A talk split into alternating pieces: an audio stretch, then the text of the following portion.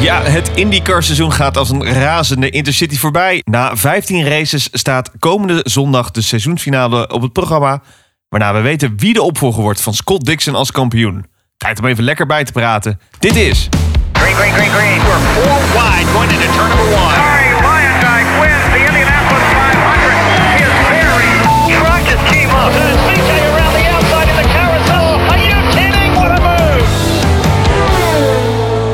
Dit is Green Green Green, de podcast. Met René Hoogterp, Jeroen Demmendaal en Frederik Middelhof. Ja, welkom en leuk dat je luistert naar Green Green Green, aflevering 24 alweer, jongens. 24. Het gaat, eh, het gaat rap. We hebben er al veel eh, weer op de band staan. Uiteraard weer samen met eh, mijn eh, autosportcollega's eh, Jeroen Demmendaal, autosportschrijver vanuit Zweden, en eh, René Hoogterp, sportcommentator bij de IndyCars. Dag mannen. Ja, dag Frederik. We kunnen bijna wel een best-of eh, DVD uitbrengen met 24 afleveringen. Zo, nou, Ik wil zeggen, ik kan me nog goed herinneren die, eh, die avond dat ik aan de keukentafel zat en dat we via een eh, WhatsApp-groepje gesprek aan het eh, overleggen waren. Zullen we eens een podcast opzetten? En zo Eh, gezegd. Is zoals dat zo mooi heet geschiedenis. Hè? Eh, Precies, ja. Ik wil zo weer bijna twee jaar geleden, joh. Gekkerheid. Ja, inderdaad. Het, eh, time flies, time flies. Ja, niet in de laatste plaats eh, dit seizoen dat eh, voorbij vliegt. Want eh, we zitten vlak voor de seizoensafsluiter in Long Beach. Mijn favoriet circuit natuurlijk, met de Bloods en de Crips eh, aan de rand. We gaan het natuurlijk hebben over de kampioenschapskandidaten. Eh, daarbij nu al een beetje terugkijken op dit seizoen. Want ja, wat was het een bizar seizoen. En natuurlijk kijken we ook vooruit met de laatste silly season geruchten. Ehm, daarnaast nog een vooruitblik op de laatste race van het seizoen. In de heerlijke straten van Long Beach dus. Maar we gaan ook even wat luisteraarsvragen behandelen. Want die hebben we weer in grote getalen weer binnen mogen krijgen. Dus eh, nou ja, laten we gewoon eventjes eh, kijken. 15 gehad dus mannen. En nog één te gaan. Ehm, twee kanshebbers. één in de ene hoek.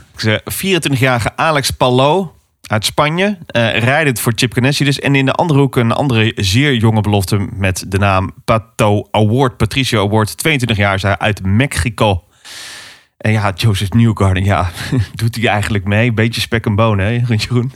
Nou, kijk, ja, het, eh, mathematisch gesproken eh, kan hij nog kampioen worden. Ja. Maar ehm, ja, dan moeten eigenlijk gewoon Alex Palou en eh, Pato Award... die moeten elkaar in de eerste bocht van de baan afrijden. Dan moet Joseph Newgarden vervolgens alle wedstrijden... aan alle ronden aan de leidingen liggen en die wedstrijd winnen.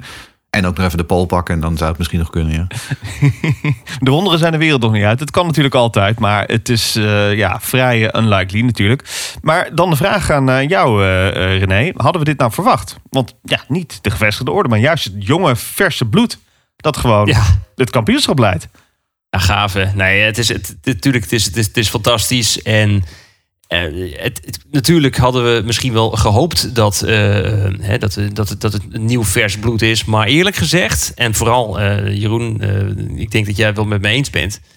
Dat Palou vooral zo sterk, zo sterk opereert. En zeker na een redelijk debuutseizoen, maar ook bij een redelijk team. Maar dat hij dan al vanaf moment één zo stabiel is. Dat vind ik heel erg opvallend, maar wel leuk hoor. Nou ja, mijn geld stond voor aanvang van het seizoen op Pato Award. Ehm, en zelfs Pato Award was wel een beetje een dark horse. Maar ik dacht, ja, Pato Award en Aaron McLaren... die gaan dit jaar gewoon echt de top bestormen. Eh, en eerlijk is eerlijk, dat hebben ze gedaan. We hebben natuurlijk een aantal wedstrijden gewonnen. Eh, zijn nu als enige samen met Palou nog overgebleven als titelkandidaat. Maar ehm, ja, ik zag... ehm, want, want het is, het is zo'n volwassen rijder. Hij is zo volwassen en zo consistent geweest dit seizoen. Ja, ik zag dat er afgelopen jaar bij Dale Coin Racing, ik zag dat er niet in zitten. Ik dacht niet van, nou, hier rijdt een toekomstig kampioen. Eh, en zeker niet, zeg maar, eh, twaalf maanden later. Misschien een beetje een, eh, een open deur hier, maar heeft IndyCar dit soort verhalen nu nodig? Nou ja, kijk, het, het, het grappige is dus dat IndyCar als organisatie er eigenlijk helemaal geen gebruik van maakt. Want je hebt natuurlijk het verhaal met, hè, aan de ene kant heb je Dixon en, en Hunter Ray en Castro Neves en hè, die oude vossen, de oude helden. Um, en die worden nu uh, het vuur aan de schenen gelegd door jonge gasten als Palou, als Award, als natuurlijk ook Greenes VK. Um, en uh, IndyCar doet er eigenlijk verder niet zo heel veel mee. Nee, in plaats daarvan hebben ze een van een rare marketingcampagne Defy Everything. Ik weet nog steeds niet wat het betekent. En hij is inmiddels al een jaar bezig. Maar ik, ik, weet, ik weet echt niet waar ze het over hebben. Maar het, het, verhaal is natuurlijk inderdaad dat er een soort wisseling van de wacht gaande is. Uh, Colton Hurta, laten we die vooral ook niet vergeten. En dan heb je daartussen een beetje zo'n tussengroep zitten van Rossi en Newgarden. Die eigenlijk dachten van, nou ja, nu zijn wij aan de beurt. Maar eh, die jonkies eh, die net een paar jaar geleden nog in Indy Lights reden... ja, die eh, beginnen nu al de boel over te nemen. En, en slaan dus eigenlijk gewoon een, een stapje over. Ehm, ja, dat is hartstikke interessant. En, en als je dan ook kijkt inderdaad... Hè, we hebben nu een seizoen waarin we negen verschillende winnaars hebben... van zes verschillende teams. Ja, dat laat wel zien zeg maar, hoe scherp die competitie is. Als we dan even nader inzoomen op de resultaten en even focussen op de kampioenschapsverleider momenteel, Alex Palou. Vorig jaar nog tweede achter eh, in de strijd om het Rookie of the Year. Maakte dan die overstap naar topteam Ganassi. Eh, maar eigenlijk vanaf moment één was hij daar gewoon. Hè? Deed gewoon wat hij moest doen. Nou ja, precies. Het het begon natuurlijk al Barber Motorsports Park, de seizoensopener. Eh, inmiddels toch al eventjes geleden, maar daar stond hij er wel gewoon. Hij pakte daar meteen die overwinning. Eh, en, en eigenlijk vanaf dat moment de stabiele factor. Zo heb ik hem als een notitie neergezet. Acht podiumfinishes, drie overwinningen.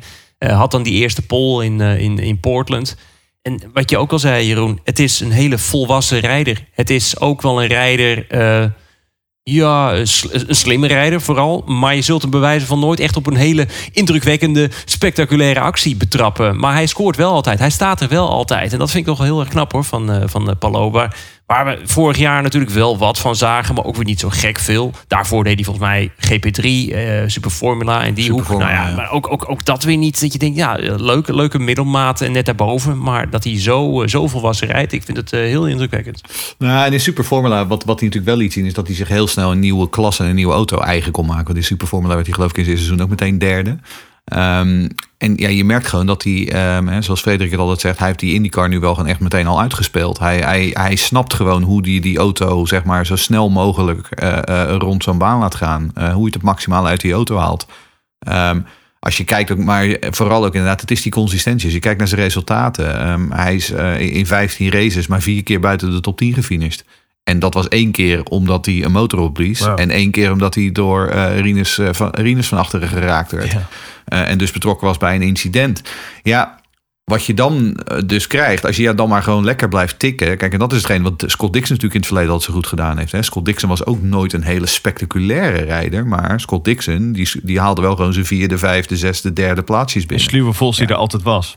En dat is wat Palou eh, ehm, natuurlijk wel heel goed doet. En ja, als ik Chip Ganassi ben, ja, dan, eh, dan wrijf ik in mijn handen. Want ik bedoel, je, je kunt die jongen, je kunt hier nog tien jaar mee vooruit. Eh, zo niet vijftien jaar. Ik vind het heel mooi dat je zegt, Jeroen, over, over de vergelijking met Dixon. Dat hij uitgerekend naast Dixon rijdt. Dan denk je dus, nou, Dixon is de teamleider. En heeft kennelijk heel snel geleerd van Dixon. Want hij gaat dus waarschijnlijk op zijn Dixons inderdaad kampioen worden. Ja, ik vind dat helemaal geweldig. En we hadden het net over die, die, die, nou ja, die, die paar eh, resultaten buiten de top 10. eh, die motorproblemen, eh, wat er op Gateway allemaal gebeurde.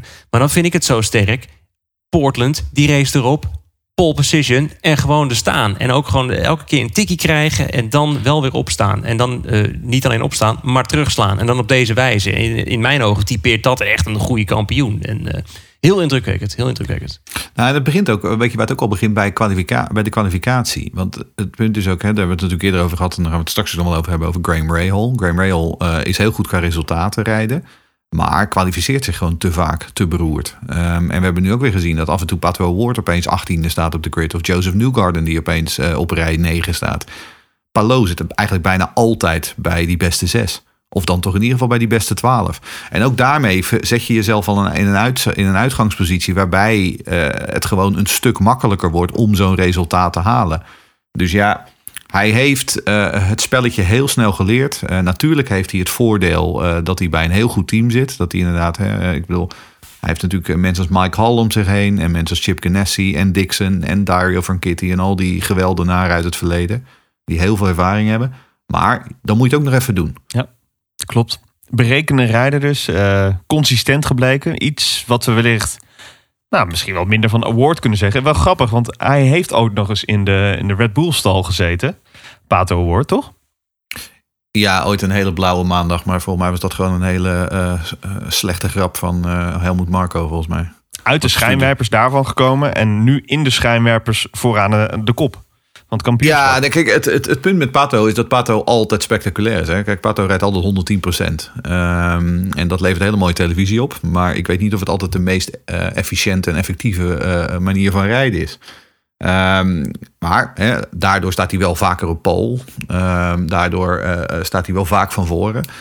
Maar ik denk ook vooral eh, dat het bij Paat ook nog wel een beetje te maken heeft met het feit dat het team nog steeds zijn weg aan het vinden is. Want ehm, ik denk dat Aaron McLaren op een aantal momenten, eh, en dan denk ik bijvoorbeeld aan de tweede race op Indianapolis uh, Road Course, hebben ze echt tactisch de boot volledig gemist. En echt helemaal die plank misgeslagen. Ehm, ja, en, daar, en dan uh, eindigt hij vervolgens, ik weet niet precies meer waar hij eindigde, maar hij stond op pole position en hij, eindigde voor, hij startte vooraan en eindigde een stuk lager. Nou, en daar hebben ze gewoon, hebben ze het wel echt laten liggen. Um, maar um, aan de andere kant uh, maak je geen illusies. Aaron McLaren SP komt eraan. Um, die gaan volgend jaar uh, uh, die gaan ze veel sterker zijn. Uh, vanaf 2023 komt er fulltime een derde auto bij. Dus dan hebben ze ook meer data om te verwerken. Die jongens die komen eraan hoor. En Pato Award gaat ergens in de komende jaren absoluut nog een keer kampioen worden. Ja, het, is, het, het, het is een voorteken wat er gaat komen. Dat is duidelijk. En, en, en eerlijk gezegd, natuurlijk vorig jaar was die overstap met McLaren erbij. Dat je denkt, nou nu gaat het komen. Nou, door corona en allerlei omstandigheden is het er niet helemaal uitgekomen. En nu zie je al vrij snel. Ik vind het eigenlijk nogal vrij snel dat, uh, dat, uh, dat je de, die stap van subtop naar topteam. Dat, uh, dat al, nu al is ingezet. Is het, is het een topteam? Nee, niet helemaal. Want dat zie je ook natuurlijk nog. Het is nog ook met de beide auto's. Het is nog net niet. Mm, het, is, het zoekende. Maar het gaat wel de goede kant op hoor. Bij McLaren wordt heel erg interessant de komende jaren.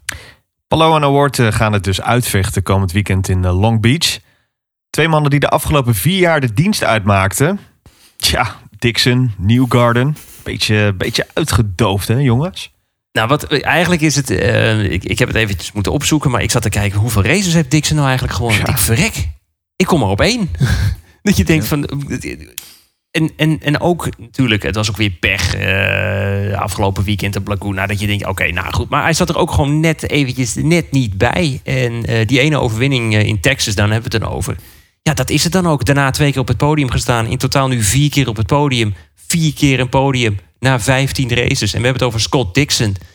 Ja, het is de laagste podiumaantal sinds 2016. Dus voor Dixon is het behoorlijk vreemd te noemen. Dus ja, ik, het is een op meerdere manieren een uh, speciaal jaar 2021. Wat uh, bespeur jij, uh, Jeroen, bij, bij dit duo? Nou, ik, ik, ik weet het niet. Het is, het, ik heb wel vaker dit seizoen gehad dat ik dacht van... Dixon is gewoon niet helemaal hè, dialed in, zoals altijd zeggen. Dat ik dacht van, ja, hij, er mist iets. Het, het, het, het, loopt niet. Dan was het ook in de training al. Dan, dan, dan zat hij maar te miep. Dan was het maar een beetje miepen op die 17e, 18e plek. Er kwam al, hij kwam altijd hier en daar, hij kwam regelmatig hier en daar gewoon een paar tienden tekort. Dat ik dacht van ja, maar dit is niet de super gefocuste Dixon die we en super gefocuste Ganassi wat we in de afgelopen jaren gezien hebben. Ja, en dat terwijl er geen regelwijzigingen zijn geweest. We hebben het niet te maken met een aeroscreen wat er nieuw bij is gekomen... of een nieuwe uh, UAK of een andere bodykit. Het is exact hetzelfde eigenlijk. En dat terwijl die vorig jaar zo dominant was. Ja, en zijn, crew, en zijn crew is ook niet veranderd. Want ik bedoel, hij werkt natuurlijk nog steeds al sinds jaar en dag... samen met Mike Hall uh, ja. op, de, op, de, uh, op de pitmuur. Dus ja, ik, ik weet het niet. Maar ja, ook hè, zelfs de beste rijders hebben gewoon wel eens een offjaar. en dan wel eens, Newgarden had natuurlijk ook gewoon... Um, die heeft ook niet zijn beste jaar, zoals om, maar nee. even heel voorzichtig uit te drukken. Die begon natuurlijk al beroerd met die uh, enorme fout op Barber. Waarbij die, uh, geloof ik, het halve veld bijna uh, naar buiten reed. Um, maar het duurde heel lang voordat, voordat ze een keer een race wonnen. voor mij was het Mid-Ohio was de eerste keer dat, ze, dat, dat überhaupt Penske een race won. Um, dat zagen we trouwens met z'n allen natuurlijk ook niet aankomen. Na tien, na tien races had je geloof ik twee of drie um, Chevy-overwinningen. En geen daarvan waren van Penske. Maar Penske zit dit jaar eerlijk gezegd ook niet helemaal lekker in zijn salsa. Penske is inderdaad, heeft gewoon wel een beetje een offjaar, ja. Um, dat, dat, uh, want Newgarden is natuurlijk de enige die op dit moment uh, um, zich qua Penske vooraan laat zien. Terwijl als je kijkt naar Ganassi, ja, die staan gewoon met drie man in de top vijf. Dus daar zit wel een verschil in. Um, maar Kijk, in theorie um, is hij nu dus nog kanshebber. Maar goed, wat we net ook al zeiden, ja, uh, hij, heeft, uh, wat is het, 48 punten achterstand. Nou, er zitten 54 punten maximaal in een weekend. Dat betekent dat je en pole moet rijden. En dan moet je ook alle de, uh, de meeste ronden aan de leiding rijden. En je moet dus dan de race winnen. En dan moet je hopen inderdaad dat, um, sterker nog, ik denk eerlijk gezegd, um, als Palo en Award bij de beste de 23 eindigen, dan uh, kan, hoe heet het, dan kan Newgarden zal niet meer bijhalen. Dus ja, het is echt puur nog een rekenkundige kans, maar Newgarden is gewoon klaar. Ja, dat seizoen 2021, hoe zouden we dat moeten betitelen? Één punt wat we hier hebben staan. En wat echt, denk ik wel, met stip bovenaan staat. Eh, het feit dat we dus negen verschillende winnaars hebben van zes teams, hoorde Jeroen eerder ook al zeggen. Eh, het, het is een. Het is niet dus meer zo dat het alleen maar een Penske feestje is... of een Ganassi feestje is... of een Dixon slash Newgarden feestje... wat we de afgelopen vier jaar hebben gezien. Er zijn gewoon ontzettend... eh, die, die, die kopgroep is gewoon ontzettend breed geworden. En, en ja, dat, dat, volgens mij hebben we dat ook in de preview gezegd voor dit seizoen. Hadden we daar ontzettend veel onze verwachtingen van. En het is gelukkig ook uitgekomen. Ja, fantastisch. Ja, ik wilde ik de twaalf verschillende winnaars. eh, die hebben we uiteindelijk hier gehaald. Ehm, want dat, dat is wat ik voorspelde van tevoren. Maar ehm, als je bedenkt, ehm, Grosjean is er een aantal keren al heel dichtbij geweest. Kan die een Long Beach winnen? Ja, dat kan die, absoluut. Ehm, als je kijkt, Meyer Shank Racing. ehm, nog een relatief klein nieuw team. Die winnen de grootste race van het seizoen. Ehm, eh, ECR, die kennen we allemaal als de oval specialisten. Winnen hun eerste race in jaren op een roadcourse. Dus op de beste dag kan een ieder winnen. En dat heeft er niet mee te maken dat, dat de rest steken laat vallen. Nee, het heeft ermee te maken dat de competitie zo ongelooflijk close is. En met het feit dat van voor tot aan achter het rijdersveld gewoon ijzersterk is. Eh, want zelfs bij eh, eh, een, een relatief kneusjesteam als, als AJ Foyt dit seizoen... rijdt nog steeds Sebastian Bourdais, die gewoon viervoudig kampioen is. Dus ja, er zit gewoon ontzettend veel competitie. En ik denk dat een andere manier waarop je dit seizoen kunt betitelen is spektakel. Want we Ja. hebben ontzettend veel spektakel gezien dit jaar. Ehm, en, en dat is ook wel iets. Vooral de race van gisteren op Laguna Seca. Ik bedoel, dat was IndyCar in optima forma. Strategie. eh, Geen enkele yellow, 360 acties. eh, passes, Ja. eh, eh, tire degradations... die gewoon echt een enorme rol speelden... op een baan waar je zogenaamd niet in kan halen. Ja? Ik vond het mooi dat ik vind vooral het aanremmen corkscrew werd nu gewoon een, een standaard inhaalplek. Dat je denkt, Dat is toch waanzinnig? Ja, en Grosjean die deed het drie- 33 keer daar. De, laatste keer iets te optimistisch toen hij bij Johnson joh. naar binnen kleunde. Maar eh, ook, ook weer trouwens zoiets. Hè? Die, die twee die kleunen bij elkaar naar binnen en ze rijden allebei gewoon verder. Als je ziet ook hoe sterk die IndyCars zijn. Ik bedoel, dat moet je in je Formule 1 wagen Ik denk dat uh, Grosjean eh, de pass op, eh, als startpagina op zijn Ja, ja, ja, browser ja, had ja, staan. Maar ik denk wel, wat, wat, wel wat, wat we net ook al zeiden, het is wel even bewezen dat op dit moment is Ganassi gewoon topdog. Uh, hè, Die staat met uh, Palou staat een kop, Dixon die staat uh, vierde en Ericsson staat vijfde. Die staan gewoon met drie heel goed geprepareerde auto's uh, in de top vijf. En als je dat dan vergelijkt met Penske, die hebben alleen Newgarden. Als je vergelijkt met Andretti, ja, Hurta die staat nu zesde. Maar hè, die stond een tijdje geleden ook ergens in de middenmoot. Um, en wat, wat, wat, mij, wat Andretti weer, hè, ik bedoel, die natuurlijk vorig jaar een waardeloos seizoen. Toen dachten we nu, nou, nu gaan ze er toch echt wel over de winter, gaat het echt wel goed komen. En ze hebben ook hè, qua rijders beter, ze hebben Hinchcliffe in plaats van Veach. Nou, nu gaat het wat worden. Ja, en weer, um, ik bedoel, zo snel als Hurta soms is, zo ongelooflijk wisselvallig is die ook. Uh, en hetzelfde geldt voor Rossi. Rossi gisteren, die start vanaf de front row. En in de eerste ronde zet hij hem achterstevoren. En hij doet het helemaal zelf. Hij rijdt niet bij, hij hoort, hij ja. raakt hem niet. Hij doet het helemaal zelf. Het was zo tekenend hè, dat Rossi hem daar... Uh, hij, hij, hij, zag zijn kans en hij wist ook, ja. nu, nu moet het gebeuren. En het was gewoon een complete wanhoopspoging eigenlijk. Eerst strepen trekken om hem ernaast. En dan half, drif, half driften tegen het achterwiel aantikken. En tegen het teamgenoot. Het is gewoon aan alle kanten was het zo ontzettend knullig. Ja, en vervolgens en, wordt hij, wat is het, wordt hij 25ste of zo op twee ronden achterstand. Het is weer zo'n unforced error, zoals ja. we dat in, in tennis noemen. Ja. Dat deed je natuurlijk vorig jaar in St. Pete ook. Vorig jaar in St. Pete was hij ja. fluitend op weg naar de overwinning. En opeens hangt hij hem gewoon in de muur. Maar zijn die unforced um, errors ook niet tekenend voor de frustratie die hij misschien heeft? Nou, zeker bij Rossi, ja. Ik, kijk, Hurta, die, die, die rijdt gisteren natuurlijk gewoon een wereldwedstrijd. En die had natuurlijk Nashville in principe ook gewoon uh, met zes ronden voorsprong moeten winnen. Uh, en was natuurlijk in St. Pete ongenaakbaar. Maar dit is het weer. Hurta is, is nog zo, is toch nog wel vrij uh, wisselvallig. Maar het is wel duidelijk dat Hurta natuurlijk het, het haantje is bij, bij Andretti. Ja, en dat begint Rossi inmiddels ook wel te begrijpen. Dat het, de, het kopmanschap, ja, dat is hij wel kwijt hoor nu. Ja, en en, en, volgens mij had Mid-Ohio, had Hurta ook volgens mij kunnen winnen... totdat hij zijn motor liet afslaan. Het is eigenlijk als je dat... Mm. En, en, dan moet het ook allemaal weer, wel weer de goede kant opvallen. En dat geluk, als we het dan maar geluk mogen noemen... dat zit dan ook gewoon niet bij Andretti. En ja, en, en dus bij de meerdere topteams uh, dus niet het, uh, niet het geval. Nou, nee, maar, zei ook... maar geluk, weet je, dat helpt je maar zover. Hè? Want ik bedoel, dat Ganassi met drie auto's in de top 5 staat, dat is geen geluk. Is geen geluk, nee, nee, nee, laat duidelijk dat zijn. maar pure kwaliteit. Absoluut. En dan, dan dwing je het ook misschien wel af. Dan is het misschien geen geluk. Maar dan gebeuren dit soort dingen dus ook gewoon niet. Het feit dat Penske nee. ook dat gedoe had met uh, Power was dat toen. Hè, in Detroit. Met die ECU uh, zogenaamd. Ja. Dat je denkt, ja, dat zijn wel dingen dat je denkt, dat, dat, moet, dat, dat moet gewoon niet Ja, eh, of vorig jaar kunnen. op Iowa, dat ze opeens gewoon even dat wiel er niet opschroeven. Eh, en ik bedoel, RLL is ook weer zoiets. Want ik bedoel, hè, we, we, we hadden allemaal van tevoren van het seizoen van... ja, gaat Rail Letterman nu dan zeg maar die stap maken? Nou, ze hebben nog steeds geen race gewonnen dit jaar. Terwijl ze de vorig jaar twee wonnen. Maar Ja. je kunt eh, argumenteren dat Ray Hall... eh, een van zijn beste seizoenen tot nog eh, in- de recente historie draait.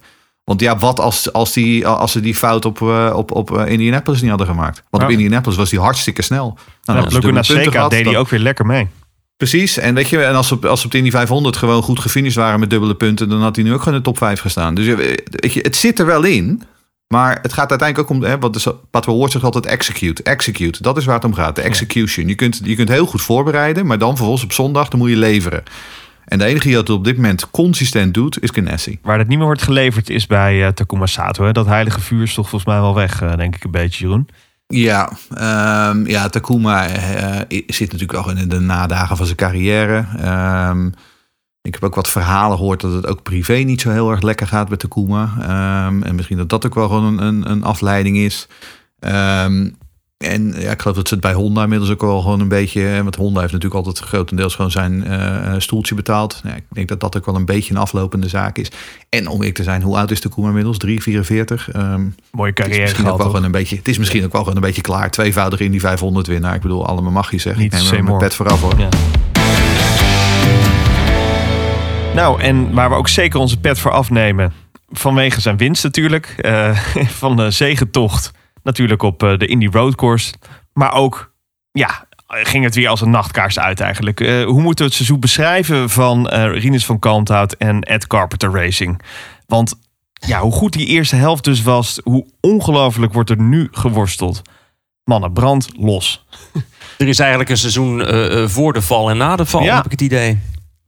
Dus het is wat gechargeerd, maar het is wel, als je, je Nou. kan er wel echt gewoon een, een, een lijn zetten van nou, tot hier ging het goed. En daarna, en ik wil niet zeggen dat het met- elkaar te maken heeft. Ja, maar je, kunt het er met je, linea, je kunt er echt een lineaal Ja, langs leggen. Ongelooflijk. ja. Ehm, kijk, wat eerlijk is eerlijk. Ik bedoel, die tweede race op Detroit was natuurlijk ook niet best. Maar goed, eh, dat was weer een van de, nou ja, toch wel redelijk talrijke tactische missers bij ECR. Maar er zat in ieder geval snelheid in die auto in Detroit. Want dat wisten we in die eerste race. Eh, en na die eerste race op Detroit, waar die tweede werd, toen stond hij vijfde in het kampioenschap met 30 punten achterstand op eh Palou. En toen dachten we met z'n allen, nou, nou, meneer VK, ga je er wel meedoen om de titel? Ehm, en dat vroeg ik hem toen ook. En toen grijnsde hij een beetje. En misschien dat ik hem op dat moment wel gejinxed heeft, heb. Want vanaf dat moment is het inderdaad... Het is, echt, het is echt van zegentocht naar nachtkaars wat dat betreft. Het is echt een seizoen van twee gezichten. Ehm, en wat het is... Ik, ik moet zeggen, voor mij weet ze het zelf ook niet. Eh, want ik heb het idee Dat is nog- dat dat is erger, zelf hè? een beetje stuurloos is inderdaad. Ja, Rinus is niet, En het is ook niet- in één dag zijn talent verloren. Dus daar, nee, daar en het is, en het is ook niet. En het is ook niet alleen bij Rinus. Hè? Want ik bedoel, ook Ed Carpenter stond in Gateway gewoon helemaal achteraan. En ook eh, eh, eh, Connor Daly, ja, die is nu voor zijn laatste kans aan het vechten. Dus de, daar zit, ik heb wel het idee dat bij Connor net iets meer peper in zit. Van, weet je, die moet echt gaan, Moet, gaan jagen. Maar ook die wordt, nou ja, met heel veel hangen en burger wordt die zestiende geloof ik. Ehm, weet je, die rijdt ook geen wereldwedstrijden. Er zit gewoon op dit moment niet meer in die auto, niet meer in die setup. Ehm, ja, ik, ik, ik weet het echt niet. Ehm, kijk, wat we wel weten natuurlijk is dat ECR traditioneel gezien een team is dat eh, gespecialiseerd is in de ovals. Ze hebben engineers die ook heel goed zijn Ja. op de ovals. Dat zien we ieder jaar weer op Indianapolis. Maar ze hebben een race gewonnen op eh, eh, de Indianapolis Road Course. Ze hebben een podium gehaald op Detroit. Eh, in Barber reed Rinus gewoon een wereldwedstrijd. Dus ja, ik, het is, het, ik, ik, ik, kan er, ehm, ja, ik kan er echt geen mouw aan passen. Ik, ik snap het ook gewoon niet. Ehm, en ik, en ze, ze zullen heel veel soul searching moeten doen in de winter. om te voorkomen dat dit volgend jaar weer zo verder gaat. Zoals gezegd, eh, we hebben op de Tweeps weer eh, ons eh, kanaal opengezet voor wat luistervragen. En altijd goed om te zien dat op deze wijze heel veel nieuwe IndyCars we weten te bereiken. Want we hebben heel veel inzendingen gehad. Dank ook voor al jullie vragen. Ehm, Martin vangt aan en vraagt naar de banden op Laguna Seca. Hoe kan het dat niemand blijkbaar wist dat de zwarte band in het begin niet zou werken?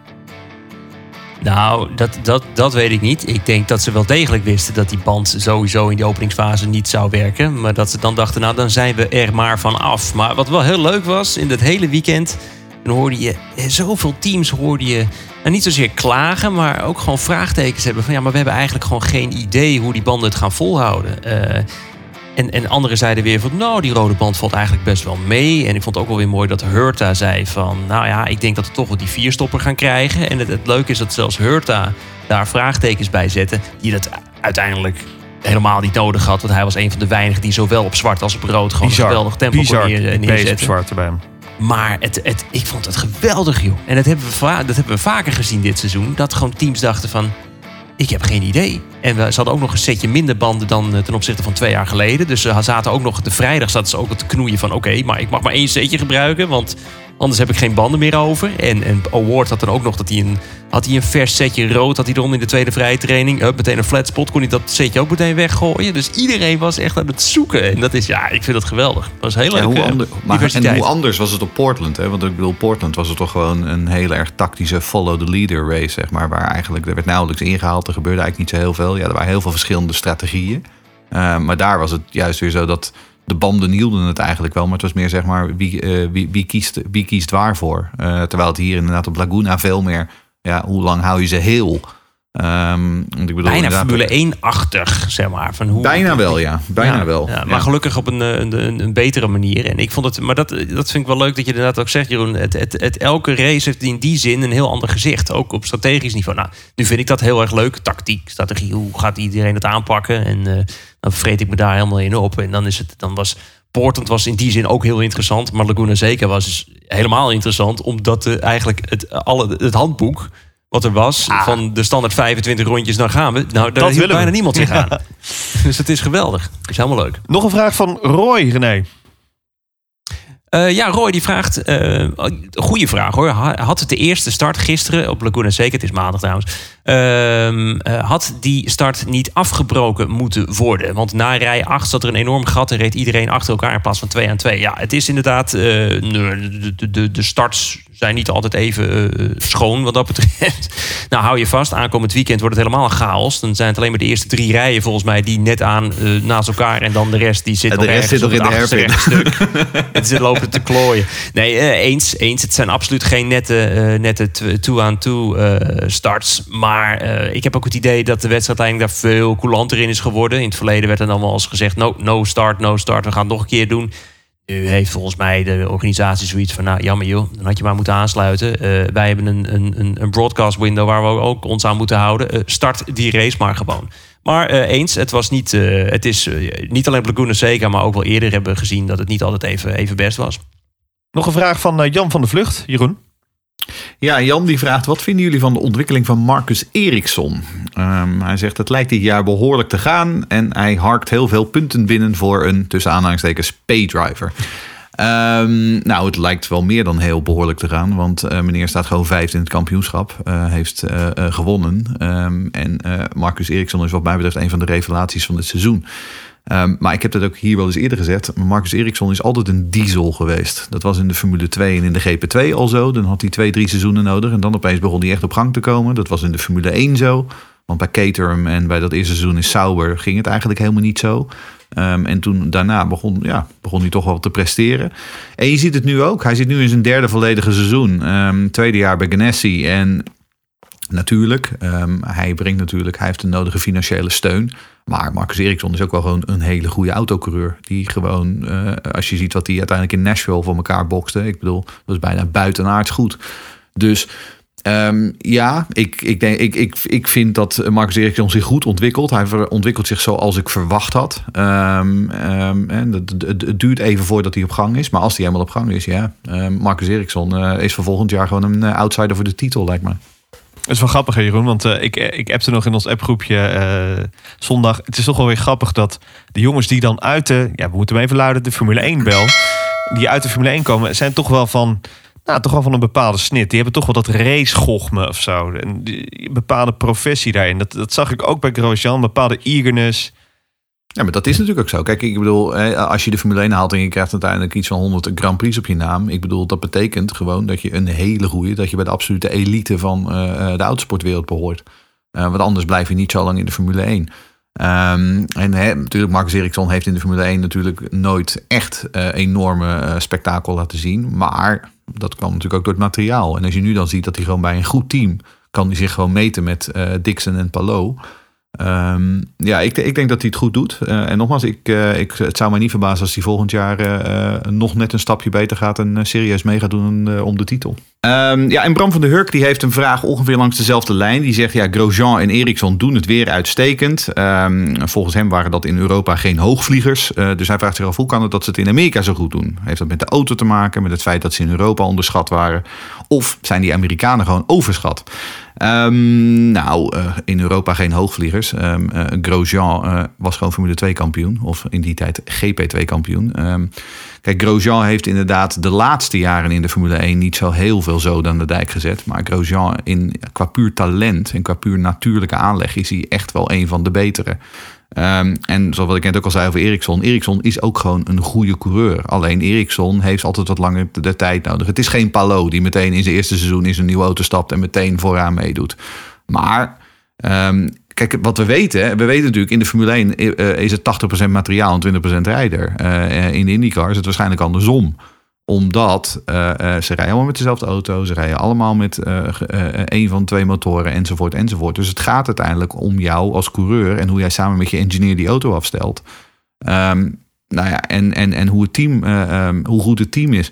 En ja, daar eh, zie je gewoon dat zowel Grosjean als Ericsson zich nu opeens eh, heel goed kunnen meten met de beste in IndyCar. Maar dat komt ook omdat het gewoon veel puurder is. Grosjean gaf gisteren een heel mooi interview na afloop van zijn derde plaats. En hij zegt van ja, hij zegt, er zijn heel veel jonge jongetjes die, en meisjes die dromen van de Formule 1.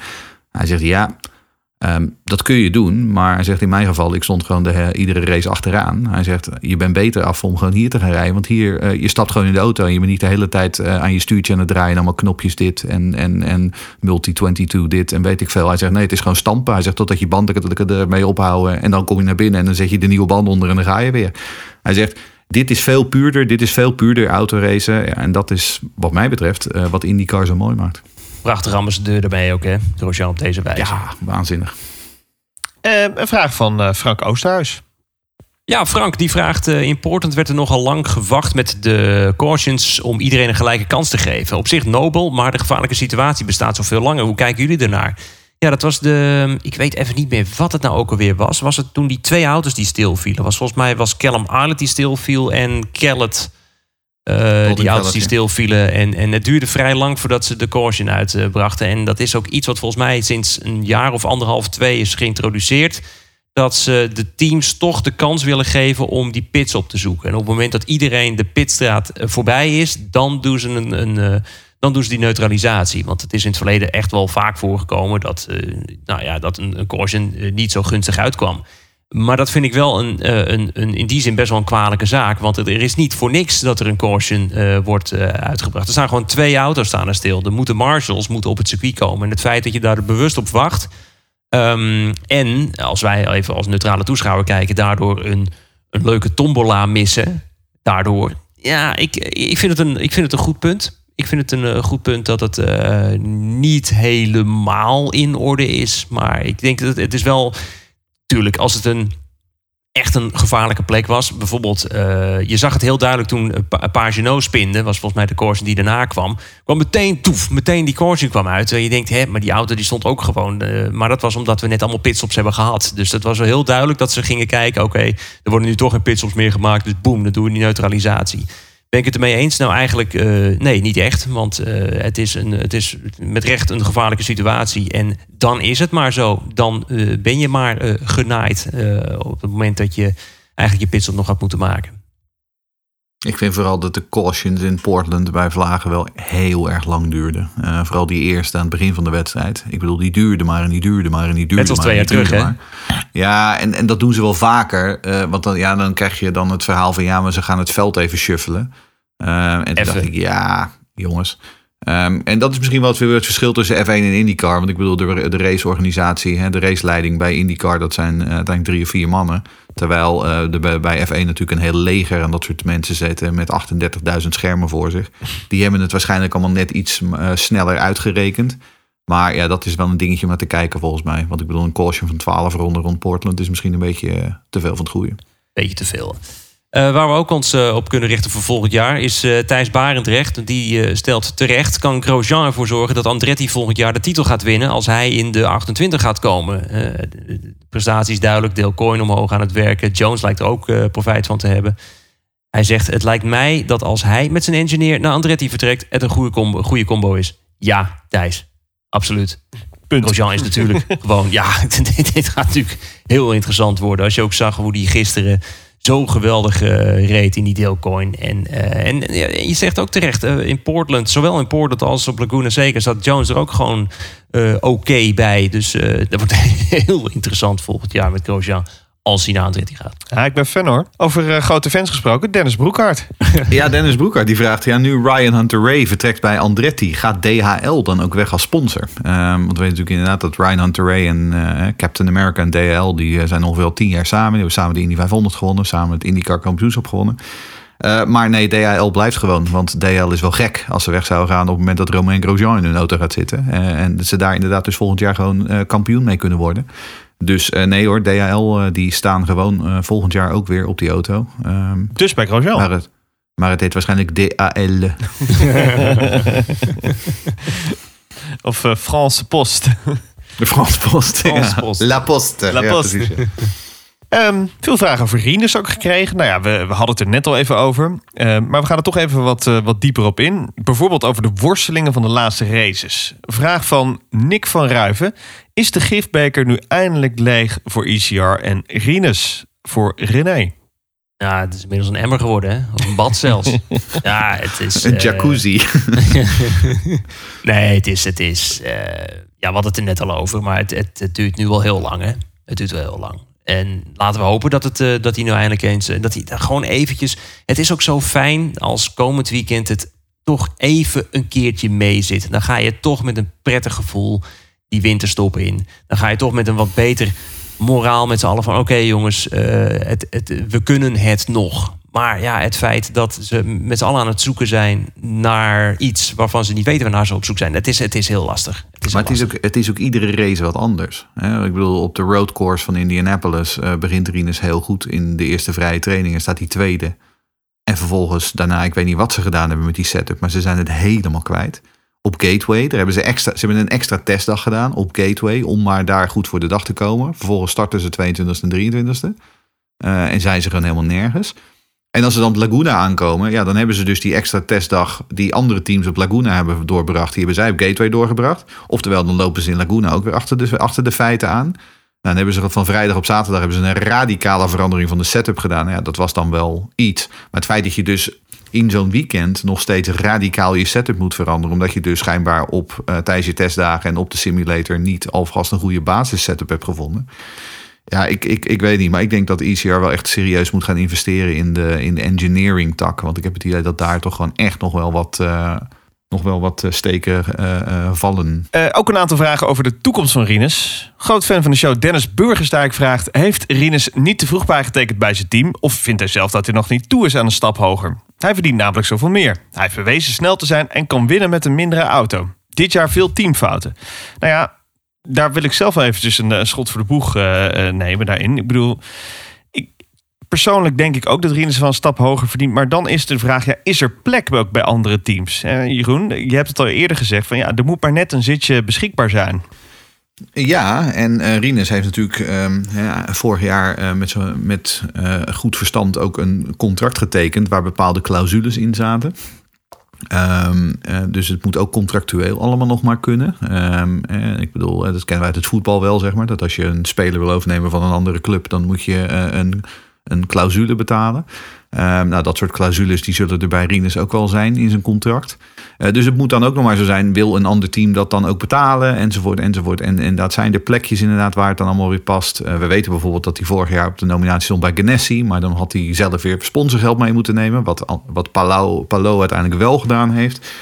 Ehm, dus ja, ik, ik, ik weet niet of hij te vroeg bijgetekend heeft. Ehm, de vraag is ook of hij al bijgetekend heeft. Afhankelijk van aan wie je het vraagt. Eh, heeft hij wel en heeft hij niet bijgetekend. Kijk, dat hij volgend jaar blijft, eh, dat staat inmiddels wat mij betreft wel buiten kijf. Maar eh, of, of er al een pen op een stukje papier een handtekening heeft gezet, dat weet ik eerlijk gezegd Ja. niet. Ehm, want Jopje die vraagt ook wanneer gaat Brines bekendmaken waar hij volgend seizoen rijdt. Nou ja, voor mij vertelde ik dit al in de vorige eh, uitzending. Eh, ik stuurde een appje naar de eh, PR-dame van ECR. Ik zeg, wanneer wordt eh, de verlenging van eigenlijk aangekondigd? Dus hij zei, nou, no- normaal gesproken bij de laatste race. Dacht ik, nou oké, dan Dat weten weet we ik dat. genoeg. Ehm, oftewel, we zitten nu in de week voor Long Beach. Ehm, dus ja, ergens in de komende dagen zou het zomaar kunnen gebeuren. Of in Long Beach. Ehm, we, moeten het even, we moeten het even afwachten. Ja, en Twan die vraagt tot slot, blijft Rinus bij ECR? Of, en heeft hij nog andere mogelijkheden voor een ander team? Ehm, nou ja, mogelijkheden voorop, eh, volop. Eh, en vooral voor 23 zou ik willen zeggen. Maar eh, voor komend seizoen blijft hij inderdaad nog een jaar bij E ECR. Maar dan ga ik ook eventjes gewoon heel eerlijk zijn. Ik denk dat hij een ICR een goede, goede leerpartner heeft gehad. Een goede leerkeuze mee, mee heeft doorgemaakt. Maar als ik, ja, het is toch ook een team waar die denk ik niet te lang moet blijven zitten als, als deze prestaties zo aanhouden. Ehm, nee, maar dat ben ik met je eens. Aan de andere kant, ehm, het team heeft ook laten zien in de eerste seizoenshelft dat ze het kunnen. Dat ze wel degelijk vooraan mee kunnen als alles gewoon een beetje goed loopt. Ehm, ze hebben ook wel gewoon in die laatste paar races. Het, het, het, zijn, wat ik zeg, het zijn iedere keer weer andere dingen ook. Het zijn ook wel gewoon pechdingen. Dat, dat, dat heeft er ook gewoon. Want in Portland valt dan weer een yellow verkeerd. En in Laguna dan praten ze weer langs elkaar heen eh, tijden over de radio. En dan rijdt Rinus naar binnen zonder dat hij naar binnen zou moeten.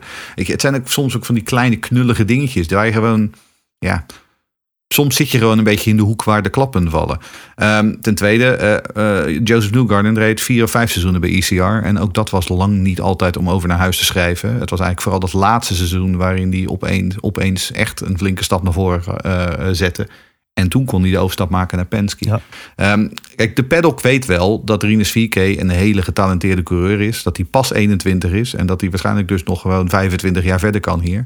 Dus zijn kans komt wel. Ehm, maar ik ben wel met je eens. ehm, als dit langer door gaat etteren. Ja, op een gegeven moment gaat dat natuurlijk ook gewoon. Dat, dat, dat doet je reputatie en vooral ook gewoon je ima, je, je, je marktwaarde geen, eh, geen hele grote wonderen.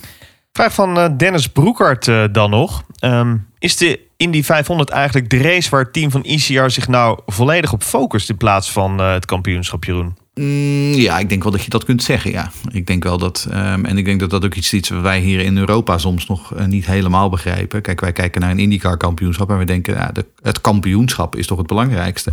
Maar in Amerika, eh, Mario Andretti, die heeft eh, 38 keer het IndyCar kampioenschap gewonnen. Die is Formule 1 wereldkampioen, maar die wordt daar nog steeds overal aangekondigd als the winner of the Indy 500. Ehm, en dat is wel een dingetje. En dat is ook de reden dat Ed Carpenter het nog steeds blijft proberen, want Ed wil gewoon die race winnen. Dus ja, kijk, ik, denk wel degelijk dat ECR, dat is de reden waarom ze ook altijd daar zo goed zijn. Ze richten zich nog steeds op het winnen van die Indy 500. Dat hebben ze nog nooit gedaan. Ze zijn er een aantal keer heel dichtbij geweest. En om de Indy 500 te winnen zit Rinus wel bij een heel goed team. Het enige probleem is dat er daarna nog 16 races zijn. En daar moet je dan ook nog even mee kunnen. En uh, Raoul van Heesen die vraagt ook... Ja, is Ed meer een Indy 500 romanticus dan een zakelijke teambaas? Ehm ik denk wel dat Ed zakelijk is, maar Ed is ook absoluut een Indy 500 romanticus. Ja, dat is absoluut waar. Um, maar dat komt ook omdat in Amerika die Indy 500 gewoon zoveel groter is dan welke andere eh, eh, schaal of prijs die je daar kunt winnen. En het een hoeft het ander niet uit te sluiten natuurlijk. Hè. Dus, uh... Nee. Nog een vraag van uh, Juri Palupski. Oh ja, dat is een mooi, mooi vraagje, Jeroen. Nou, ja, die, nou, Juri is toch wel erg nieuwsgierig naar de tweet eerder van Jeroen over een tweede Nederlander op de grid volgend jaar. Misschien kan hij toch stiekem wat meer inside info geven. uh, ja, brand los. Nou, ja, kijk, dat vond ik leuk inderdaad. Want ik, ik schreef inderdaad van het zou heel goed. Ik, ik had van wat mensen gehoord dat er een gerede kans is dat er volgend jaar een tweede Nederlander in de Amerikaanse formulewagen zit. Dat is wat ik schreef. Um, en een heleboel mensen die lazen Amerikaanse formulewagens, dacht ik, oh, dat is IndyCar. Ja, dat zou kunnen. Het zou ook iets anders kunnen zijn, maar er zijn nog meer Amerikaanse formulewagens. Um, en uh, ja, um, R. Malteser, die stelt zelf wat namen voor. Um, wie maakt de meeste kansen in die IndyCar volgend jaar als tweede Nederlandse coureur? Dan heeft hij het over Nick de Vries en over Robin Freins. Nou, voor zover ik weet hebben Nick de Vries en Robin Freins gewoon een contract in de Formule 1 volgend jaar. Dus die, uh, het lijkt me niet dat die daar gaan zitten. Maar is het mogelijk dat er uh, wat jongetjes in de Formule 2 aan het kijken zijn wat er meer is qua opties? Ja, dat zou zomaar kunnen. Ja, ik ben zeer benieuwd. Um, Cor de Zwaan, tot slot. Hij vraagt zich af, moet de IndyCar weer zijn grenzen buiten de USA gaan verleggen of lekker binnen de US of A blijven? Nee. Volgens mij is deze vraag eh, heel vaak voorbij gekomen. Ja, en, hebben we eh, vaker het is, en het is leuk hoor. Ja, vaker beantwoord. Voor ja, mij mag het, hoor. steeds- ja, maar ik ben nog steeds van mening. Ja, qua tijd eh, zou ik het Ja. vaak prettiger vinden. Maar dat Kom gaat maar op, niet. Assen. ja, precies. Nee, Anders eh, Torp of zo in eh, ik- ik Zweden. Zo, Ja, dat nou, dat lijkt me helemaal prima. Ja, ik, teken ervoor. Service Paradise, dan is het maar vroeg opstaan ook goed. Maar dat maakt niet uit. Maar nee, het is, ik, ik, ik heb altijd wel zoiets van... het blijft een, laten we eerlijk wezen... het blijft gewoon een Amerikaanse klasse. En ga eerst de basis goed neerzetten... en dan eventueel verder kijken. Ga niet te snel willen eh, expanden... en dat het een grote bubbel wordt... die misschien weer, weer gaat ploffen. Eh, zet je product gewoon goed neer. En als je ook ziet... wat ze, kijk, wij hebben er niet zo heel veel aan, we eerlijk wezen. Maar eh, voor Amerika het feit dat er volgens mij... van eh, de kalender is bekendgemaakt namelijk... eh, dat 14 van die races volgens mij op het grote NBC uitgezonden gaat worden. Dat is echt wel uniek. Hebben wij als Nederlanders helemaal niks aan. Maar dat geeft wel aan dat ze heel goed bezig zijn om het product goed neer te zetten. En als het goed staat in Amerika, dan zou je eventueel verder moeten gaan. En daar is Roger Penske eh, en zijn team ontzettend eh, begaafd in om dat te doen. En, dat, en je ziet daar nu al de stappen. Heel knap. Dus voorlopig nog niet. We verwachten een hoop formele aankondigingen en bevestigingen in de komende dagen in de aanloop naar, of misschien zelfs al in Long Beach. Eh, nou, ja, dat was vorig jaar ook zo rond die laatste race in eh, St. Pete. Ehm, eerst maar eens eventjes de balans opmaken. Wat weten we al, Jeroen? Ehm, nou, wat weten we al? We weten dat eh Ganassi vol zit. hè. Eh, Want de meest recente is de vernieuwing van Marcus Eriksson. Er was daar wat gedoe over de centen. Maar dat is nu eh, nou, volgens de tamtam opgelost. Even wat chocolaatjes worden overgemaakt. Ja, precies. Even wat Husky Chocolates eh, flesjes eh, naar, eh naar Oh, flesjes, Chip. Ehm, en ja, nou dat is nu inderdaad... ehm, dus dat is zo goed als rond. Ehm, dus Ericsson die blijft. Nou, Dixon blijft natuurlijk. En natuurlijk blijft Palou ook. En natuurlijk blijft ook Jimmy Johnson met zijn Carvana-auto. Ehm, en de American Legion die er ook op staan. Want ik bedoel, als we het daar hebben over commercieel interessant. Jimmy Johnson is nog steeds heel commercieel interessant in Amerika. Real op Laguna trouwens geen eens zo slecht. Reed Nee, reed, race. eh, reed de beste race van het seizoen. Eh, reed echt heel goed. Ehm, en je ziet nu gewoon dat hij echt stappen begint te maken. Eh dat was zijn beste resultaat ook. Hij werd 16 of 17 Ja. geloof ik. Beste resultaat van het seizoen. Nee, je ziet nu dat hij nu echt... Want hij heeft ook veel getest op Laguna. Dus dat, dat helpt natuurlijk ook. Maar hij is, hij is stap aan het zetten. En langzaam maar zeker begint hij zich beter te voelen. Dus ik ben heel benieuwd hoe hij het volgend jaar doet. Diesel? Het enige vraagteken is dus, omdat hij dus al aan het testen is geweest op Texas. En dus toch wel een beetje aan het nadenken is of hij misschien niet gewoon die ovals gaat doen. Ja, moet er dan misschien een vijfde auto komen voor Tony Kanaan? Want Tony Kanaan die zou natuurlijk eh, normaal gesproken de, auto, de ovals doen in die auto. Heeft ook een tweejarig contract getekend, net als Jimmy Johnson. Dus zou er dan volgend jaar misschien zelfs een vijfde auto bij komen op Iowa, op Gateway, op Texas. Is Eh, inmiddels dat ook is de al, enige. eh, 46 of zo, toch, Tony? Die is inmiddels ook al 133 jaar. Ehm, eh, maar dat, dat zou dus best kunnen nog, eh, dat daar nog een extra auto bij komt. Maar dat, dat moeten we nog even afwachten. Er gaat in ieder geval een auto af bij het team van Penske. Ja. Die gaan terug naar drie auto's. Eh Pagino, heel veel over gesproken. Eh, nog niks officieels, maar gaat in alle waarschijnlijkheid teamgenoot worden van Castro Neves bij Meyer Shank Racing. En dus eh Penske drie auto's voor Power. Die begin dit jaar was het, hè? Was hij voor meerdere jaren was Ja. hij al bevestigd. Newgarden natuurlijk en een McLaughlin op jacht naar Rookie of the Year titel. En het was een staatje die ik ook afgelopen weekend eh, gelezen. McLaughlin gaat zeer waarschijnlijk de allereerste rookie worden voor het team van Penske die kampioen wordt. Want eh, Penske heeft nog nooit een rookie kampioen eh, geleverd kennelijk. En dus is hij er natuurlijk volgend jaar ook gewoon bij. Nou, dat wist ik niet eens. Nou, zo zie je maar. Er zijn er ook dingen die ik niet weet.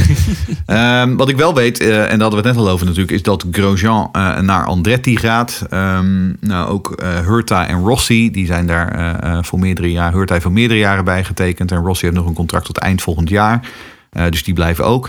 Ja, dan heb je die vierde auto. Er zit nu James Hinchcliffe in. Maar het is een eh, publiek geheim dat eh, de Canadees Devlin Di Francesco die auto krijgt. Ehm, dat is grotendeels vanwege zijn vermogende papa. Dat schreef ik dit weekend op Twitter en dat vond papa niet leuk. En toen zei hij van, nou, daar zitten nog veel meer andere factoren bij. En toen zei ik, nou ja, oké, vooruit, prima. Maar het was Ehm, goed dat je je mening had, zei hij. Het was goed dat je je mocht Ik had, ja, het is goed dat ik een mening had. Maar ik denk wel dat ik van de, van de kerstkaartlijst ben bij de Di Francesco's nu. Maar goed, hoe dan ook. eh, Devlin eh, die gaat gewoon die auto krijgen. Eh, Devlin rijdt dit jaar in de Indy Lights. Doet dat aardig, maar niet spectaculair. Ehm, maar dat betekent wel dat Andretti dus ook vol is. Want die, eh, die gaan toch echt wel gewoon het bij vier auto's houden. Officieel is nog niet bekend hè, dat uh, Grosjean getekend heeft. Hè. Dat gaat ook binnenkort. Eh, Nee, maar dat gaat in? Long Beach komen, denk ik. Ja. Want ze hebben al aangekondigd dat Ron Ray niet terugkeert. Ja, dat, dat hebben ze eerst aangekondigd. Eh, en dat geeft, hè, dat geeft dan ook Ryan Hunter Ray een beetje de kans om eh, netjes afscheid te nemen. En dag, DHL, dag, Andretti, dag, dag mensjes, dag maan, dag sterretjes. Hallo, Romain. Ja. Hallo Rome, zo gaat dat. Bij Aaron McLaren, eh volgens mij een paar weken geleden officieel bekend dat eh Award en Rosenquist blijven. Eh, ook dus Rosenquist blijft. Ook werd toen bekend toen McLaren eh, nou, wat, wat meer aandelen, het, het, het, McLaren groep wat meer aandelen kreeg in het team, dat er een derde auto fulltime gaat komen per 2023. En wellicht willen ze komend seizoen al een paar eh, eh, races gaan rijden. Ja, wie dat dan zijn, dat is nog onduidelijk. Natuurlijk hebben we wel wat namen daarvoor waarvan we denken... hey, die hebben of een linkje of een linkje gehad of nou hè. Maar daar, voor de rest is daar nog niks officieels van bekend. Nou, en als we, dan, hè, eh, als we dan toch aan het fluisteren zijn over McLaren... daar zou ik nou in 2023 wel een zekere jongeman uit Hoofddorp willen zien. Duidelijk. En de nodige stoelen zijn dus al ingevuld. Vooral dus bij de topteams. Ehm, maar dan gaan we even de balans opmaken voor wat er nog open is. Jeroen. Ja, want Grosjean die gaat dus weg bij Dale Coyne Racing. En dat betekent dus dat we daar een gaatje hebben. Nou, en Dale Coyne, de oude chageraar, die is altijd op zoek naar een zak geld. En wie heeft er een grote zak geld? Ehm, nou, David Malukas uit de Indy Lights. Ehm, die eh, is daar aan het vechten om de titel. Eh, heeft heel lang eh, bovenaan gestaan. Raakte toevallig dit weekend net weer de leiding in het kampioenschap kwijt. Maar David Malukas is pas 19, zo'n hele jonge Amerikaanse jongen. kan heel goed autorijden en heeft een papa met een hele grote trucking business in Chicago. Ehm, ja, en daar zit gewoon wat centen.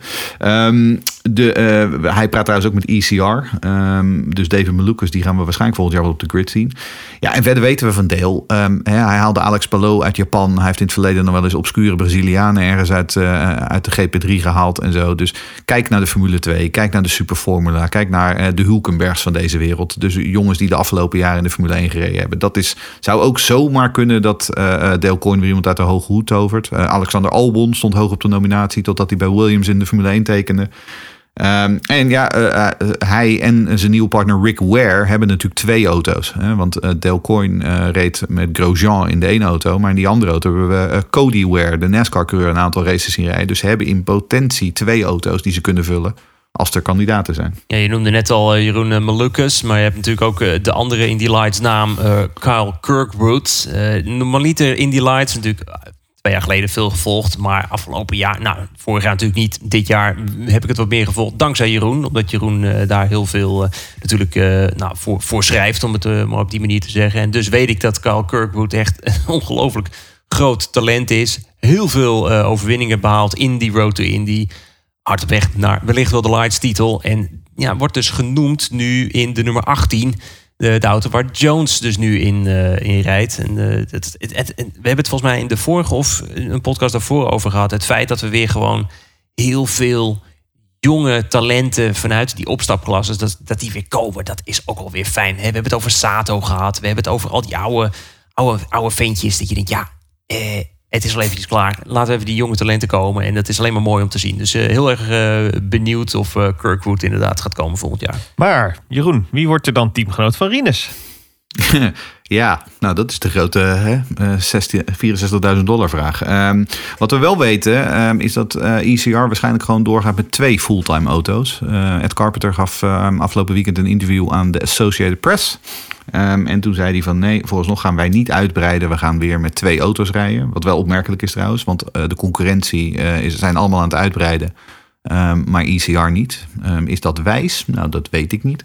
Ehm, maar wat ik net dus al zei, ook hier is die David Malukas uit de Indy Lights is nog in beeld. Ryan Hunter Ray wordt ook genoemd. Want ja, dat wordt ook een free agent, zoals dat heet. En eh, oh ja, ook Connor Daly. Hij mag nog steeds hopen als de, eh, de US Air Force eh, en, en de Space Force en al die andere Dragon tenten, Space. die en Dragon Space, ja, als die allemaal blijven sponsoren.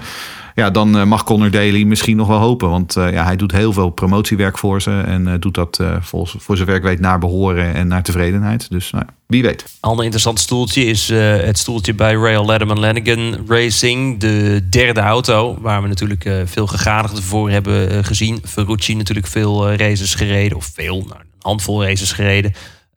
Lundgaard hebben we op IMS gezien. En natuurlijk de laatste drie races van het seizoen hebben we Oliver Askew. Eh, nou, het, is een, het wordt een leuke interne strijd daar. Want Bobby Rail die schijnt Askew graag te willen hebben. Mike Lanigan wil graag Ferrucci hebben. En de president eh Pierce Phillips die wil heel graag Lundgaard dan weer in het team hebben. Dus in mijn ogen alle drie goede keuzes. Eh, maar ook gaan we toch weer refereren naar een eerdere podcast. Eh Askew moet eigenlijk gewoon een stoeltje hebben. Dus als je het mij vraagt moet het gewoon Askew worden. Ja, helemaal 100% eens. Ehm, en wie was er in Laguna? De man uit Kortrijk, Stoffel van Doorne. Jawel. Eh Stoffel van Doorne die wilde zelf wel eens een keertje gaan kijken hoe dat nou toch allemaal in elkaar zat in die, eh, in die IndyCar. Ehm, eh, ik weet uit betrouwbare bron dat hij eerder dit jaar zelfs op de nominatie stond om ehm, ergens in te stappen. En vervolgens zei Mercedes, nou, je hebt bij ons een contract, lieve jongen, dus dat gaat hem even niet worden. Maar ehm, per 2023 zou Van Doorne beschikbaar zijn. En hij is bij McLaren langs geweest en hij is bij Ed Carpenter langs geweest en bij Coin en bij Ganassi. Oftewel, hij staat overal nu op het shortlist. Zou ik je zeggen, Jeroen, dat als Stoffel eens eventjes zijn stofjas, zijn, zijn stof van zich afveegt, zeg Ja. maar van al die McLaren-jaren en Mercedes-jaren. ehm, ik denk dat die jongen echt als een kanon kan autoracen in IndyCar. Heb je hem in de GP2 gezien? Dat je, die, die, Ja. Hij reed alles en iedereen het snot voor de ogen. Ehm, ik, ik denk inderdaad dat hij gewoon op precies het verkeerde moment bij McLaren terecht kwam. Ehm, en dan zat hij naast Alonso. Eh, daarvan weten we allemaal wat hij intern doet met zijn collega's. Eh, ik denk dat eh, Stoffel echt zo'n typisch geval is van iemand die ongelooflijk veel pech heeft gehad. Maar die wel gewoon heel, heel, heel erg goed is. Ehm, dus ja, wat mij betreft stapt hij gisteren nog in. Dus ja, hopen vanaf 2023. René, team van Voigt. Ja, als we het dan over Voigt hebben, hebben we het vooral over geld. Eh, het budget wat eventjes eh, gevuld eh, moet worden. Dus nou, dan kom je toch alweer heel snel bij Dalton Keller tere- terecht. Tuurlijk. nou ja, die, dus grote kans dat die natuurlijk gewoon blijft. En als Rocket blijft, dan zou Bourdet ook nog wel gaan, gaan rijden. Maar ik hoorde ook laatst weer verhalen dat Boudet misschien toch wel weer, eh, weer richting de endurance-klasses zou willen gaan. Dus ik, ja, het is, het is afwachten. Eh, je noemde het al eerder, eh, Jeroen, in de uitzending. Eh, ook al is Voigt misschien het, een, een, nou, het minste team van, eh, van de grid... hebben ze wel even een viervoudig kampioen. En het zou zonde zijn als het zo als een nachtkaars uitgaat. En, en heeft ook gewoon hele mooie dingen laten zien. Dus het zou voor het team heel sterk zijn als Boudet zou blijven. Nou, en wat jij zegt over die endurance. ehm, ik weet dat er vanaf een aantal kanten een beetje aan Kevin Magnussen wordt getrokken. En Kevin Magnussen heeft natuurlijk een contract getekend bij Peugeot in de World Endurance. Maar nou, als iemand denkt van Kevin Magnussen, die kunnen we overtuigen. En Peugeot, die krijgt een zak geld mee.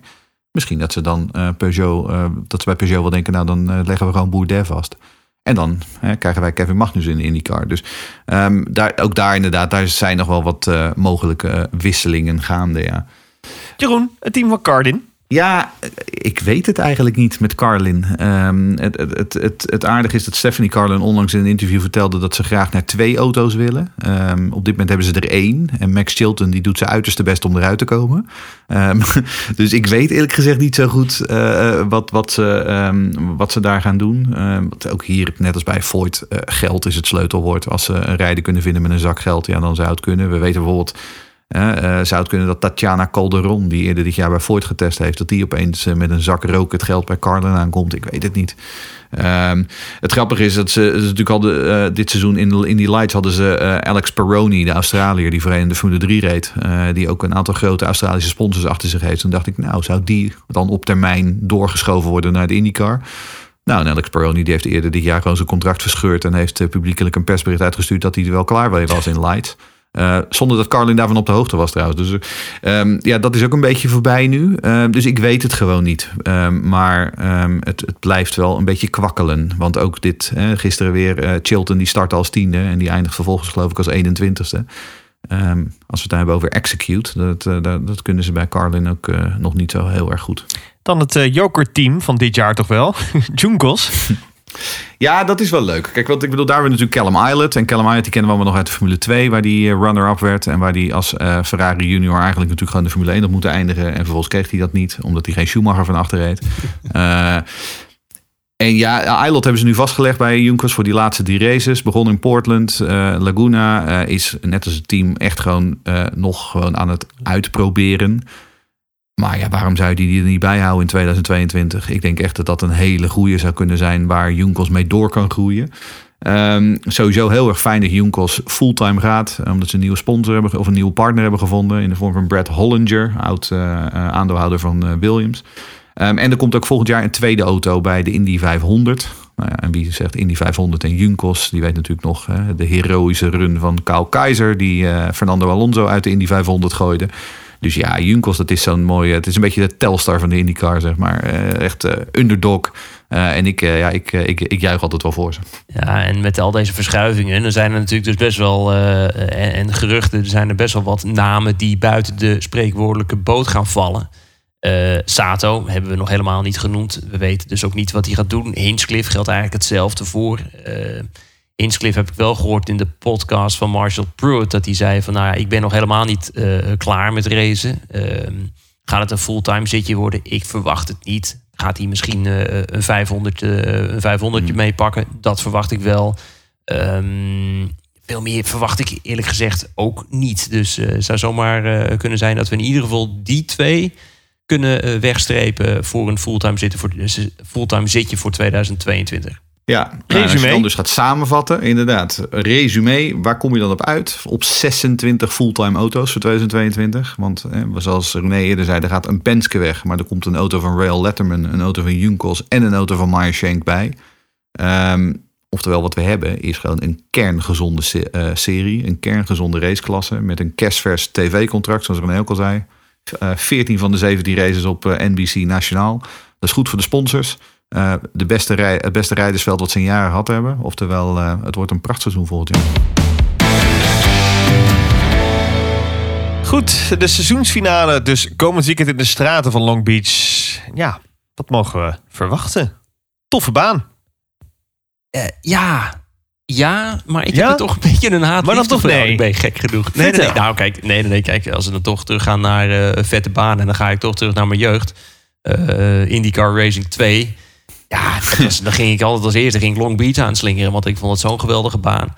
Eh, wat het rottig is van Long Beach... is dat je vaak hoop je op spektakel. Maar in de jaren dat ik IndyCar nu doe... en races op Long Beach heb gezien... dan waren het ook best wel vaak eh snoezers, hoor. Eh, Rossi 2018 en 2019. Eén van die twee was heel saai. De andere was dodelijk saai. Ik weet niet meer in welke volgorde, maar het was niet best. Dus het is. Ja, het, het, het, het plaatje is geweldig en het wordt een, mooi sfeertje. Hartstikke leuk. Maar de races, oh, laten we hopen dat het een goede race wordt volgend weekend. Ik, ik vraag me ook af of het met de huidige layout te maken heeft. Want ik bedoel, ik heb, ik heb ook nog wel eens races uit de jaren 80 en begin jaren 90 teruggekeken. Op inderdaad de IndyCar Racing 2 layout. Die nog een stukje korter was dan de huidige. Maar het zijn veel En 90 dat waren graden bochten nu. Uit, en dat waren altijd echt uitstekende Ja. wedstrijden. Eh, vooral Al Unser Jr., die noemden ze altijd eh, de King of the Beach. Want Al Unser Jr. die heeft hem ongeveer 78 keer gewonnen.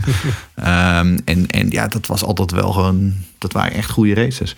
Ehm, hoe dan ook, eh, ik ben vooral blij we gewoon weer terug zijn in Long Beach. Want vorig jaar hebben we natuurlijk Long Beach gemist. Ehm, en dan hebben we het ook nog als seizoensafsluiter. En omdat hier nog wat verwarring over bestond op de twitters... Nee, er zijn geen dubbele punten voor de seizoensfinale. Ehm, maar eh, ja, ik denk wel dat, gewoon dat het inderdaad, wat René al zei, het wordt wel gewoon een geweldig feest. En het zit waarschijnlijk weer stampensvol. Ehm, eh, heel veel mondkapjes wel, want er zijn wel een hoop restricties als je naar binnen wil. Eh, want het gaat in Californië even niet zo heel goed met het coronavirus. Maar de race gaat in ieder geval door. Daar ben ik ook wel erg blij mee. Nog wat memorabele me- momenten. Nou ja, ik noemde natuurlijk net al inderdaad. Hè, Ellinger Jr. Die heeft hier een aantal keer hele eh, spectaculaire wedstrijden gereden. Die is hier ook nog eens een keer met Mario Andretti eh, eh, in een muur geëindigd. En dat was, daar was een hoop over te doen. Oh, en dit is ook wel een dingetje. Het regent hier bijna nooit. En dan zeg ik bijna, omdat namelijk in 1998 in de kwalificatie had je een volslagen doorweekte kwalificatie. Ehm, en dat eh, is wel heel erg, dat is wel echt uniek. Want ehm, normaal gesproken, het regent eigenlijk altijd wel een keer ergens. Maar, eh, en we hebben heel veel eh, spectaculaire regenraces op stratencircuits gezien in eh IndyCar. Maar ehm, op Long Beach dus nog nooit. Het is hier eigenlijk vrijwel altijd gewoon prachtig strandweer. Te gek. Ja, en ik, als, als ik nog eventjes terugdenk, nou, eh, ik kan me ooit herinneren dat eh, Boudet, eh, was het een 18 volgens mij, dat hij half buitenom en vervolgens binnendoor in de eerste bocht eh, twee man probeerde te pakken, wat dat eigenlijk een illegale inhaalactie was. Ja, Dat ja, ja. ja dat was, briljante dat was, actie. dat was 18 volgens mij inderdaad. Ja. Wat Dat hij gewoon even actie. zijdelings door kwam schuiven inderdaad. Ja. Kortom, Ja, een eh, klassieker op de kalender. 36 keer werd er al geraced in Long Beach. Rossi, ja ja, Alexander Rossi won de laatste twee edities, won die hier. Ehm, de laatste Ganassi-overwinning stamt alweer uit 2015 met Scott Dixon. En de laatste Penske-overwinning is, eh, was een jaar later met Simon Pagenaud. Gaan we even kijken naar de kansen van Rinus. Ja, kans voor Rinus. Eerste race, eh, zoals voor vele anderen, net zoals in Laguna Seca natuurlijk voor hem. Ehm, gek genoeg staat hij ondanks alles, de hele, de hele bizarre tombola die we hebben gezien, staat hij eigenlijk nog P11 het kampioenschap. Dat Ja, dat is het gekke. Hij werd dus, hij werd dus in Laguna werd hij 18e. En daarmee klom hij dus een plekje in het Bizar. En toen dacht je van, ja, maar hoe kan dat nou? Nou, dat komt omdat Sato en Rossi gewoon een nog beroerdere race hadden. Die bij de 24ste en 25ste.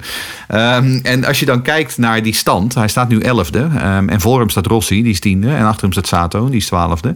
Eh, en Rossi heeft 304 punten. Rinus heeft 303 punten. En Sato heeft 302 punten. Ehm, dus er staat drie man binnen drie punten. Eh, dat wordt nog wel spannend om eh, P10. Ehm, en ik moet zeggen, eh, als je daarachter gaat kijken, dan eh, staat Scott McLaughlin geloof ik op P12. Maar die, of sorry, op eh, P13. Maar die staat wel op een redelijke achterstand.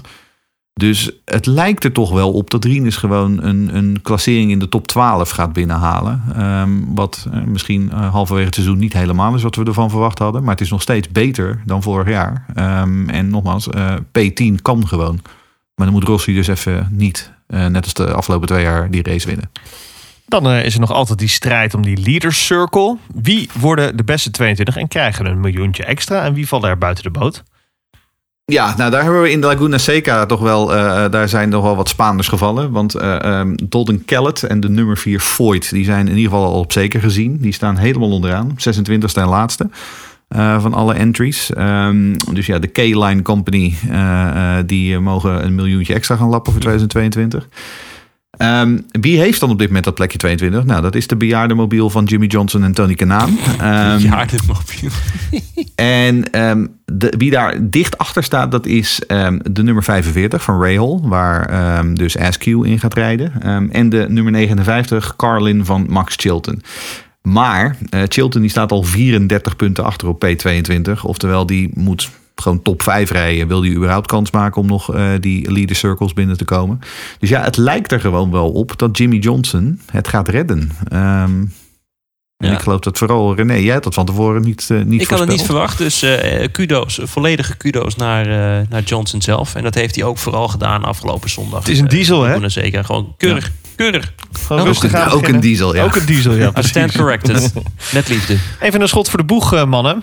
Mogen we de Gaveerpen al pakken voor Palo of verwachten we nog een shocker race? Ik denk persoonlijk, ik, ik trap me gewoon Oh. even af, dat Palo hem ook gewoon gaat winnen, die laatste. Omdat het winnen, kan. oh, gewoon, gewoon Ja. de race winnen. Ja. Gewoon eventjes lekker omcirkelen. Gewoon, Precies. we doen het gewoon eventjes. Ja, dat weet ik niet. Eh, ik, ik, Eventjes zeg ik Laat niet, maar even- hij doet de- het. Nee, maar wel de, de- dan door het de laatste Formule 1 referentie. eh Palo is misschien dan toch een soort eh Alain Prost. Als ik, eh, volgens mij moet hij elfde worden. Dan heeft hij al de titel. Berekend? Dus Ja, nou, ik wil niet zeggen dat hij elfde wordt. Maar eh, als hij eh, vierde wordt, dan vindt hij het denk ik ook wel prima. Eh, ik denk dat het... de laatste keer dat we volgens mij zo'n shocker hadden was 2015. Toen nog met die dubbele punten op Montoya, Sonoma. Dixon, Toen ja. Montoya en Dixon... nou ja, toen iedereen hoopte misschien dat Montoya het werd. En het werd uiteindelijk toch gewoon Dixon. Montoya stond ook zo ver voor toen. ja, daarom. daarom. Ja. Maar, Maar- dat was dus inderdaad weer met die dubbele punten. En dat heb je nu gewoon niet. En, en, en Palo heeft, wat is het, eh, 30 punten voorsprong of zo? 35. 35, ja. Kijk, ik denk dat hij gewoon, dat is gewoon in tassie hoor. Dat is Vallen- ook klaar. De award die gaat misschien nog wel voor dagsucces. Die gaat nog even lekker vegen. Die gaat nog even een muurtje meepikken. Misschien ook nog wel.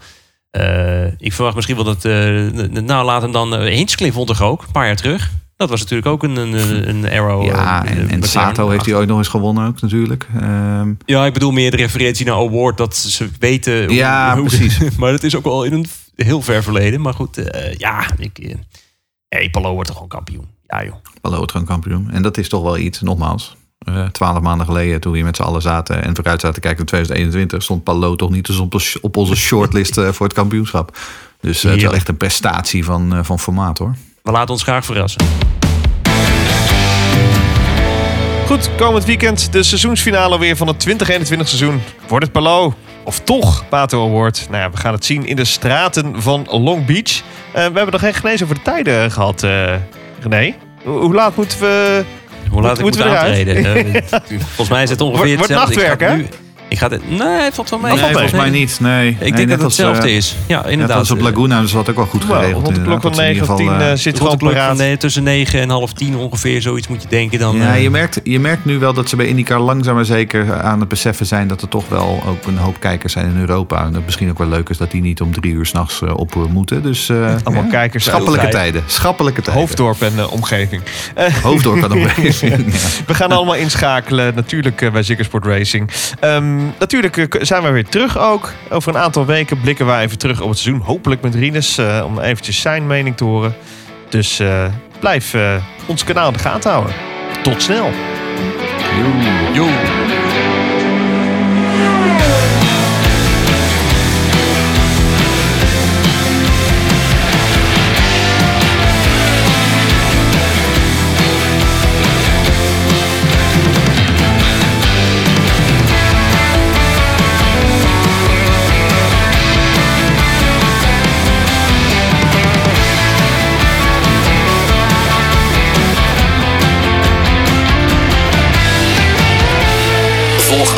laatste IndyCar nieuws van Green Green Green op Twitter via @indypodcastnl en abonneer je op Green Green Green via je favoriete podcastplatform.